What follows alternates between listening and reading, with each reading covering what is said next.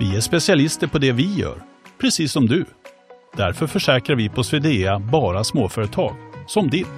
För oss är små företag alltid större än stora och vår företagsförsäkring anpassar sig helt efter firmans förutsättningar.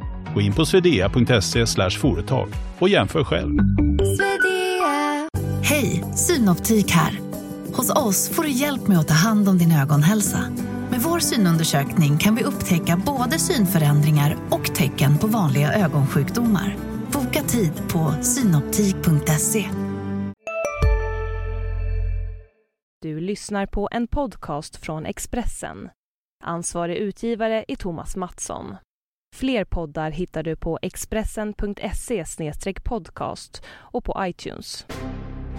Det här är Expressen Dokument om andra världskriget. Del 4.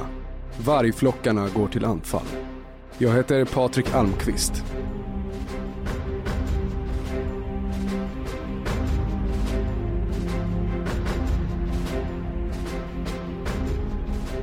Döden kom från havsdjupet. I ett hav av eld och stormande vågor dog tiotusentals modiga män på den iskalla Atlanten. Vargflockarna var havets jägare. Nazitysklands fruktade ubåtar avlossade sina torpeder mot fartygen som seglade med mat och vapen till Storbritannien. Winston Churchill skulle isoleras och svältas till nederlag. Det var Adolf Hitlers plan.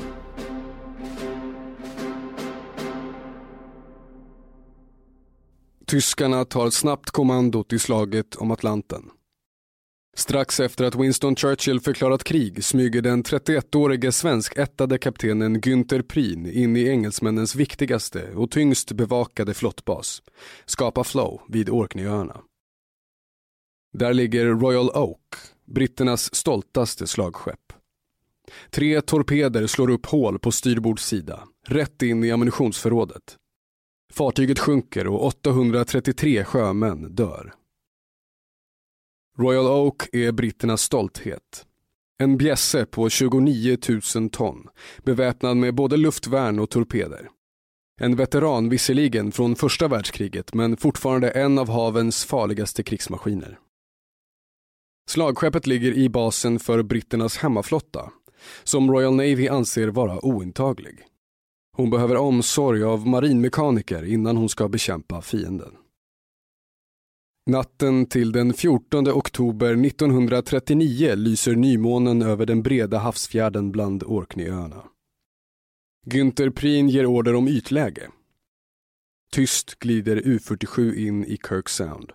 En av de trånga passagerna till hamnfjärden som är omsluten av land. Månljus är sämsta tänkbara för en attack med överraskning i mörker. Ubåtsflottans befälhavare Carl Dönitz har studerat flygfotografier. Inloppet till hamnfjärden är bevakade av patrullbåtar eller blockerade med sänkta skepp och stålnät. Amiralen har upptäckt en 17 meter bred öppning mellan två vrak som ligger i östra inloppet mot Lambholm. Amiralen skickar sin bäste befälhavare på ett självmordsuppdrag för att rikta ett förödande slag mot britterna. Preen möter en svårighet som inte syns på flygbilderna. Mellan vraken hänger tjocka spärrtrossar av metall som är fastkrokade under vattenytan. Det finns ingen återvändo. Strömmen från tidvattnet är stark. Örlogskaptenen kan varken vända eller backa. Han dyker, kryper så nära havsbotten som ubåten förmår och han klarar sig igenom. Vid midnatt går Prien till attack. Han avlossar sina fem torpeder med stridsspetsar på 280 kilo vardera. I periskopet ser han att en av torpederna träffar ett krigsskepp som ligger intill Royal Oak. Han girar undan och manskapet laddar om torpedkuberna. 18 minuter senare. Chockade britter har ännu inte bemannat kanonerna till sitt försvar. Då avlossar Preen en ny salva med fem torpeder. Han ser explosionerna, men ner till ubåten hörs inte sjömännens dödsskrik. Med det utströmmande tidvattnet tar sig U47 tillbaka genom Kirk Sound. Två timmar senare är han i säkerhet ute på Nordsjön. Günther Prien blir Nazitysklands första krigshjälte. Då U47 återvänder till hamnen i Wilhelmshaven står varvspersonalen och hälsar de 40 i besättningen med höger arm i axelhöjd. Hitlerhälsningen. Fyrens privatplan hämtar hela besättningen. Den åker i triumf genom Berlin och Prin tar emot riddarkorset ur Hitlers hand. För Churchill är attacken pinsam och förnedrande. Världens starkaste sjömakt har förlorat ett av sina finaste skepp på det nesligaste vis. Till Günther Prin återkommer vi. Blitzen är över. I alla fall för denna gång. Adolf Hitler har skjutit upp invasionen av de brittiska öarna. Han har annat att tänka på. I hemlighet planerar han operation Barbarossa, att anfalla Stalin i Sovjetunionen, dödsfienden som han slutit en pakt med. Det gick inte att bomba britterna till underkastelse. Royal Air Force var alldeles för modigt, piloterna för skickliga. Blitzen kostade Nazityskland många plan och piloter. Bulldoggen Churchill ska krossas på annat sätt.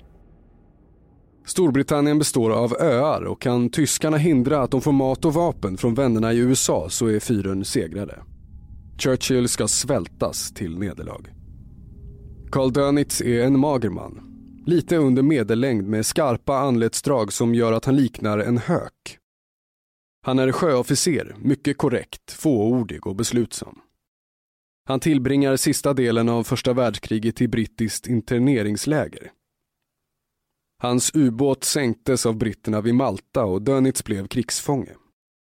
1939 är Dönitz 48 år. Liksom Hitler är han besatt av hämnd. Tyska folkets ära ska återupprättas. Fyren utnämner honom till kommendör och befälhavare för ubåtsflottan. Så mycket till flotta är det inte från början. Tio ubåtar utrustade med 14 torpeder vardera, 73 meter långa. 17,8 knop klarar de i ytläge. Det är början till vargflockarna. Då kriget bryter ut har Dönitz 57 ubåtar. Snabbt ställer Hitler om produktionen i vapensmedjorna och fler än tusen nya tillverkas. De nya är ännu vassare vargar. De är rustade med snorklar som gör att de kan ladda batterierna i undervattensläge. En dödlig nyhet är målsökande torpeder som programmeras att själva hitta sitt mål. Fienden i Royal Navy anar inget. De är inte särskilt intresserade av ubåtar heller. Britterna har vid krigsutbrottet 50 ubåtar, ganska omoderna. Istället litar britterna till ett anti-ubåtsvapen som kallas ASDIC. Apparaten placeras på örlogsfartygens kölar och avger ljudstötar som kan känna av föremål under havsytan på flera kilometers avstånd. Till exempel ubåtar som närmar sig. ASDIC har ett problem som Royal Navy strateger inte tänkt på. Den kan bara känna igen ubåtar under vattenytan. Ubåtar som anfaller i ytläge syns inte på skärmarna. I mörker och dimma gör vargarnas låga siluett dem svåra att upptäcka och ännu svårare att träffa. De kan smyga nära fienden och avlossa torpederna. Misstaget ska kosta många brittiska sjömän livet. Carl Dönitz använder sina erfarenheter från första världskriget. Då är taktiken att sända ut ensamma ubåtar utan bestämda planer och ordern är att de ska anfalla fartyg som kommer inom synhåll. Då de allierade börjar med konvojer under beskydd av jagare duger inte den taktiken längre. Riskerna är för stora. Dönitz testar en ny metod som aldrig prövats i sjökrig. Han stationerar flera ubåtar i en båge längs troliga konvojrutter. Då en av ubåtarna upptäcker konvojer larmas de övriga via kod med Enigma-sändaren. Tyskarna kan anfalla samtidigt från alla sidor och, om det är natt, i ytläge. Det kallas vargflocktaktiken. Vintern 1939 till 1940 är den kallaste på 40 år. I början av januari lägger sig isen på Nordsjön. Atlanten är öppen och vargflockarna på ständig jakt. Att ta sig över den vintriga Atlanten är svårt nog utan fiender som lurar under ytan. I stormarna kan vågorna bli tio meter höga. Isen är ett ständigt hot, inte bara den som finns i havet utan även den som bildas på fartygen. Den lägger sig över manövertorn och vinschar och fartygen blir så övertunga att de riskerar att slå runt. Konvojerna med livsviktiga varor från Amerika färdas långsamt, sällan mer än nio knop. De är lätta mål för de snabbare vargflockarna. På en enda månad sänker tyska ubåtar mer än 800 000 ton allierade fartyg med manskap, krigsmateriel och förnödenheter. I början av slaget om Atlanten finns det ändå ett slags hederlighet i sjökriget. Tyskarna ska sänka fartyg, inte nödvändigtvis döda sjömän. Den 20 oktober 1939 seglar ångaren Gustav Adolf från Göteborg mot Bristol med last av pappersmassa. 40 sjömil norr om Shetlandsöarna prejas det svenskflaggade fartyget av U34. Ubåtskaptenen Wilhelm Rollman kräver att den svenska kaptenen H. Stolpe ska lämna ifrån sig skeppspappren. Svensken får besked att lasten inte är tillåten och att Gustav Adolf ska sänkas om 15 minuter. Besättningen sitter i livbåtarna då U34 avlossar 15 skott med skeppskanonen och ser fartyget gå till botten. De tror att de har lång rodd framför sig till säkerheten. Istället gör kapten honör och erbjuder sig att boxera svenskarna till norska kusten. Det går fort. Livbåtarna vattenfylls och tre gånger brister boxertrossen. Efter fyra timmar ser svenskarna en ångare i horisonten. U34 avlossar två kanonsalvor i luften för att göra kaptenen på ångaren uppmärksam, kapar trossen och dyker. Ångaren är den norska Biscaya som tar svenskarna till Moss. Alla klarar sig oskadda. Senare i slaget ger Dönitz en annan order till sina ubåtsbefälhavare. Ingen ska räddas och ingen får tas ombord.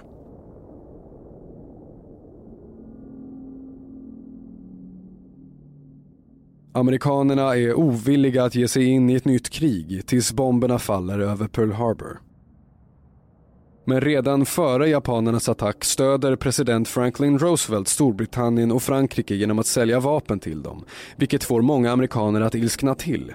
Bland dem flyglegendaren Charles Lindbergh, som anser att USA ska hålla sig borta från inbördeskriget på andra sidan havet. Roosevelt är 59 år, inne på sin tredje presidentperiod och vallöftet då han väljs tredje gången är att han ska hålla USA utanför kriget. Han är förlamad från midjan och neråt, sitter i rullstol och läkarna varnar presidenten att han inte har lång tid att leva. Hans ofantliga konsumtion av cigaretter har orsakat högt blodtryck och lungemfysem. Roosevelt och Churchill är goda vänner i mars 1941 lyckas presidenten få igenom den så kallade lån och uthyrningslagen i en trilskande kongress. USA är fortfarande neutralt och nu kan ändå amerikanerna överföra strategiskt viktiga råvaror och krigsmateriel till britterna. Churchill har fått en livlina. Fartygen lastas med mat, med aluminium till planen, med fordon som Ford GPA, jeepar som kan köra på vatten. Senare lastas fartygen med stridsvagnar och flygplan i delar som britterna sätter ihop. USAs villkor är stenhårda. Roosevelt vill ha betalt i förskott. Storbritannien är bankrutt och ingen kan förutse hur kriget ska gå. Roosevelt får med kongressen på villkoren genom att kräva att Churchill använder alla tillgångar i utländsk valuta och hela guldreserven som förskottsbetalning. Anthony Bever skriver i sin stora krigsskildring Andra världskriget att US Navy skickar ett örlogsfartyg till Kapstaden för att hämta det sista brittiska guldet som förvarades där.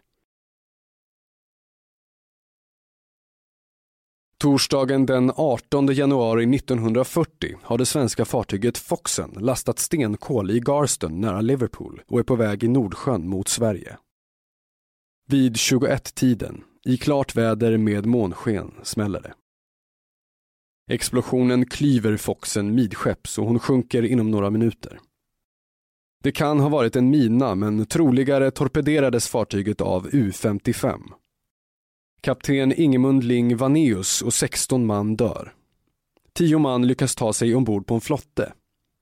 Det börjar blåsa till storm och vindarna är isande. Under fredagen spolas två man över bord och på kvällen ytterligare två. På flotten finns sex besättningsmän kvar, varav två brödrapar. Det är matroserna Gunde och Einar Jakobsson samt lättmatros Malte G Bergström och jungman Stig Bergström. När räddningen kommer efter 30 dygn på en flotte i rykande storm är jungman Bergström den enda överlevande, ensam i en flotte med fem döda kamrater. Om fasorna till havs berättar han för Gotlands Allehanda den 25 juni 1940. På natten hade mässpojken frusit ihjäl. Eldaren klagade bittert över törst och trots våra protester drack han saltvatten. Han blev omtöcknad och dök över bord. Vi hade en låda med corned beef men inget att öppna konservburkarna med. Jag skar mig illa i händerna när jag försökte öppna med en spik. Vi försökte muntra upp varandra med att sjunga och på så sätt hålla modet uppe. En lördagkväll kom en trålare nära. Den var bara 15 meter ifrån oss. Vi ropade så högt vi orkade, men förgäves. Folket ombord såg oss inte i dimman. Min bror Malte började bli omtöcknad. Jag föll i sömn och när jag vaknade såg jag honom i vattnet. Han höjde vänstra handen och ropade på hjälp. Men jag var för svag och kunde ingenting göra då jag såg honom försvinna. Vi var bara två kvar. Och tre timmar innan jag räddades stod min sista kamrat. Det var Einar Jakobsson. Jag pinades svårt av törst och kunde inte motstå frestelsen att dricka saltvatten. Jag visste att det innebar en säker död om jag drack mycket så jag smuttade bara. Bara jag var kvar nu. Med fem döda intill mig. Då siktade jag ett fartyg flera sjömil bort. Jag fäste ett tyg på masten och vinkade tills jag föll samman. På mina knän bad jag till Gud att de måtte se mig. Detta var allt jag visste tills jag lyftes upp och återigen föll samman, lika mycket av glädje som av utmattning. Fartyget var den norska ångaren Leka. Kaptenen berättar efteråt att Stig Bergström låg i yrsel och ropade på sin bror första natten ombord. Ljungman Bergström förs till London där han ligger på sjukhus i flera månader. Sommaren efter kommer han hem till Gotland.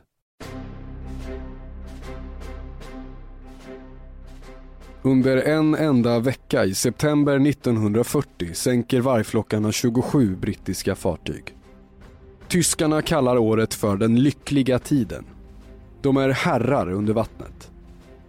Totalt 349 allierade fartyg torpederas i Atlanten och tiotusentals sjömän får sin grav i havet. Dönitz kallar sjöslaget för tonnagekrig. Att helt enkelt sänka fartyg fortare än britterna hinner bygga nya.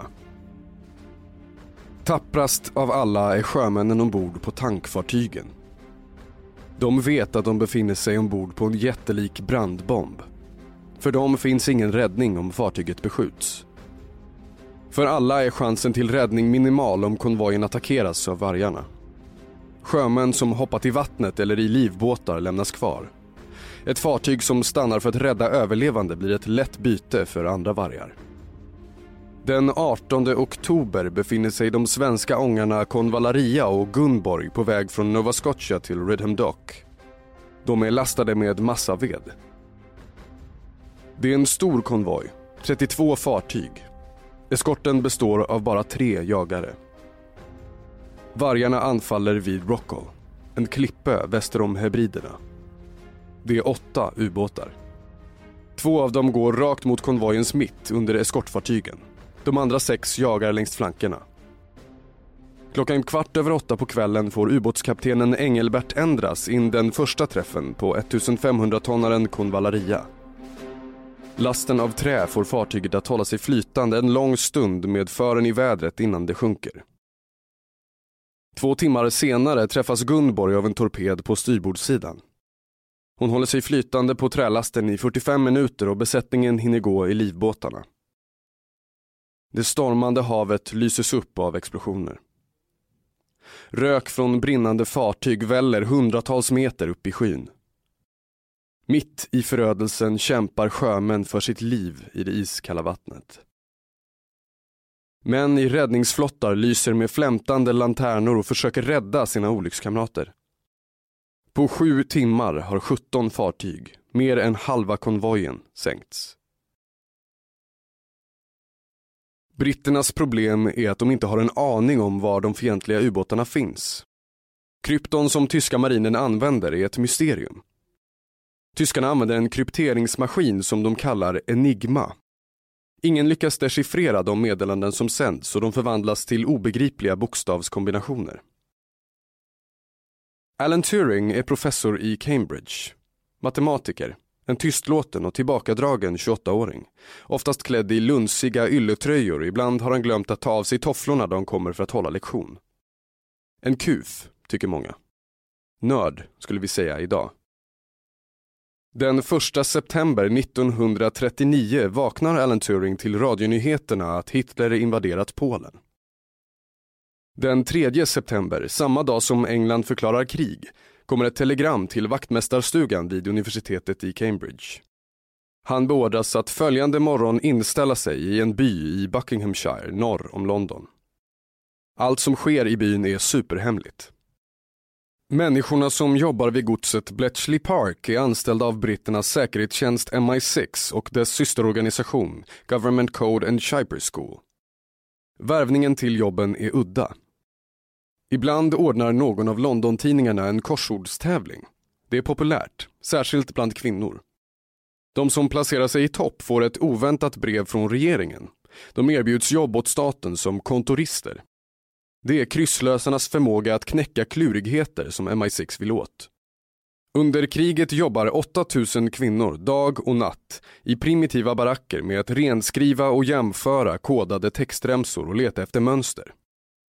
Tyskarna har minst 100 000 Enigma-maskiner. Arméhögkvarteren, ubåtarna, Luftwaffebaserna, SS-brigaderna, Gestapo-högkvarter, alla förlitar sig på Enigma för hemlig kommunikation.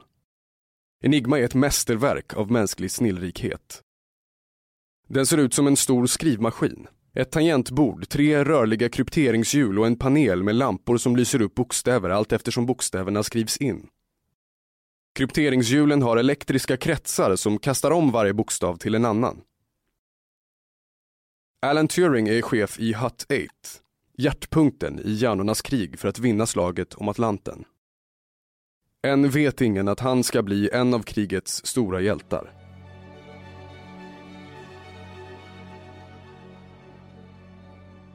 Vargflockarna slaktar konvojerna till havs. Varubristen blir bara värre. Kriget verkar oändligt. Männen i Storbritannien är borta. I uniform någonstans.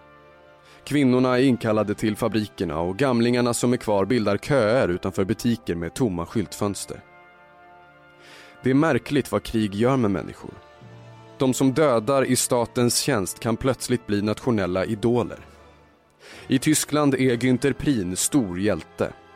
Han har ett smeknamn. Tjuren från Skapa Flow. Då småkillarna i Hitlerjugend i sina trekvartslånga svarta byxor med bruna skjortor och svart snodd runt halsen leker sjökrig på skolgården vill alla vara tjuren. Den oövervinnlige. Völkischer Beobachter, nazisternas propagandablad, skriver hyllningsartiklar om honom. Då han ligger i hamn vid ubåtsbasen använder hjälten tiden till att svara på beundrarpost från tyska skolbarn. När Günther Prin står vid periskopet och spanar in fienden har han en mörkröd halsduk knuten runt halsen. Det är en gåva från hans fru Ingeborg. Halsduken ska ge tur. Ingeborg föder Prin hans andra barn, dottern Dagmar, våren 1940. Då ligger ubåtskaptenen utanför norska kusten och deltar i invasionen av Norge. Deras första dotter Birgit föddes året före. På U47s torn har Prin låtit måla en svart tjur. Under tjuren har han målat siluetterna av fartygen han sänkt till havets botten. Det är 30 stycken. Ett av dem är svenskt. 3000-tonnaren Rydboholm från Göteborg i brittisk tjänst. Den 26 februari 1941 seglar fartyget i konvoj från Liverpool till Freetown. Strax efter midnatt anfaller de grå vargarna. Klockan 1.10 träffas Rydboholm i förskeppet av Prins torped. Fartyget bryts i två delar. Akten ligger länge kvar i vågorna med propellen i luften. Besättningen hinner sätta sig i livbåtar och stannar hela natten i närheten av vraket. På morgonen tas de ombord av en brittisk jagare. Alla överlever. Prin sänker ytterligare tre fartyg den natten och kan måla fyra nya silhuetter på tornet. Natten mellan den 7 och 8 mars 1941 utkämpar Günther Prin sin sista strid. Söder om Island följer U47 och andra vargar en konvoj. Vid midnatt går han i skydd av regnet upp till ytläge för att smyga närmare. Regnet upphör plötsligt och U47 avslöjas av den brittiske jagaren Wolverine. Prin dyker. Fem timmar pågår jakten. Jagaren lägger sjunkbomber. Klockan 5.43 på morgonen skakas oceanen av en väldig explosion under vattnet. Det tar tio veckor innan Dönitz bekräftar att Prin är borta. Hjältar dör inte. Förlusten av vargarnas skickligaste befälhavare skulle ha inneburit att tyskarnas krigsmoral sjönk. Det dröjer till den 23 maj innan hustrun Ingeborg får dödsbeskedet. Han blev 33 år gammal. Genombrottet för britterna kommer den 9 maj. Kapten Fritz Julius Lemp på U110 attackerar en konvoj utanför Grönlands sydspets. Ubåten skadas av sjunkbomber och tvingas upp till ytan av en brittisk korvett. Ombord finns hemligheten. Enigma. Kapten Lemp apterar sprängladdningar med fördröjd verkan och överger ubåten med sin besättning. Tyskarna viftar med vit flagg till fartyget som är på väg mot dem. Dynamiten exploderar inte. Kaptenen försöker ta sig tillbaka för att ställa om sprängladdningarna. Han skjuts till döds innan han når fram. Innan U110 sjunker hinner britterna ta hand om Enigmaskrivaren, kodböckerna och kryptonnyckeln. Alan Turing har konstruerat en väldig maskin som kallas bomb. Det är hans universalmaskin, den allra första datorn. Turings apparat är enorm. Den surrar som 200 symaskiner. Den måste smörjas med olja varje morgon och kväll. På eftermiddagarna kommer ordonanser på motorcyklar till Bletchley Park med säckvis med kodade meddelanden som radiostationer längs den brittiska kusten snappat upp. Turings maskin tickar och tickar och försöker begripa. Nu har engelsmännen koderna. På en vecka har Turing knäckt nazisternas bäst bevarade hemlighet. Plötsligt börjar Bomb ticka fram rapporter som är livsviktiga. Båtarnas positioner, vilka konvojer som ska attackeras. Churchill tvingas till svåra beslut. Ibland måste en konvoj offras trots att britterna vet att den kommer att anfallas. British Navy vill inte att Dönitz ska förstå att koden är avslöjad. 1942 vänder slaget om Atlanten till de allierades fördel. Konvojerna ändrar rutter eftersom de vet var vargflockarna lurar. Royal Air Force vet exakt när ubåtarna går ut från fjordarna i Norge eller hamnarna i franska Lorient eller Saint Nazir. De sänder ut bombplanen. 1942 sänker de allierade 86 tyska ubåtar. Året efter sänks 237, varav 43 i maj. Hösten 1943 ger Hitler upp slaget om Atlanten. Förlusterna är för stora. Kriget mot Sovjet är på väg mot ännu en tysk katastrof. Och alla nazisternas krigsresurser måste koncentreras dit. Den brittiske premiärministern kommer en dag på oannonserat besök till Bletchley Park. Han visas runt i barackerna av chefen, kommendör Edmund Travis och ber att få träffa geniet som knäckt Enigma.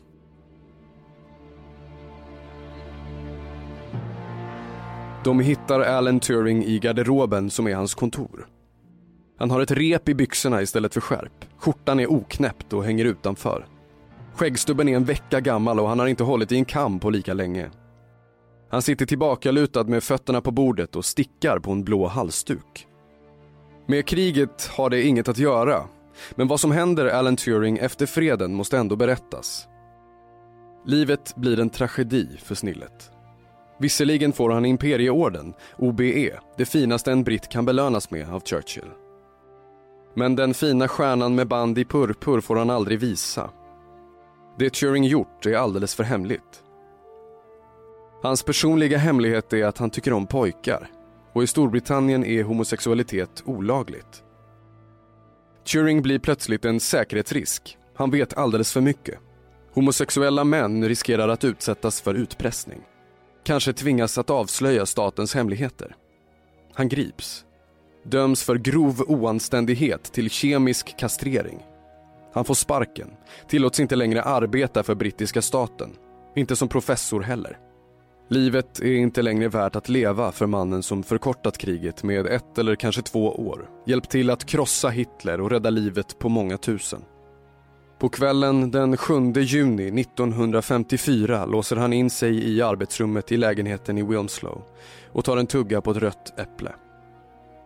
Han har förberett sin sista åtgärd i livet noga. I äpplet har han sprutat cyanid. Ursäkten kommer 59 år för sent. På julafton i fjol håller drottning Elizabeth sitt årliga tal. Hon ber om förlåtelse. Till Alan Turing och många andra som tvingats gömma sin sexualitet och kanske valt döden på grund av dåtidens homofobi. Du har lyssnat på Expressen Dokument om andra världskriget, del 4.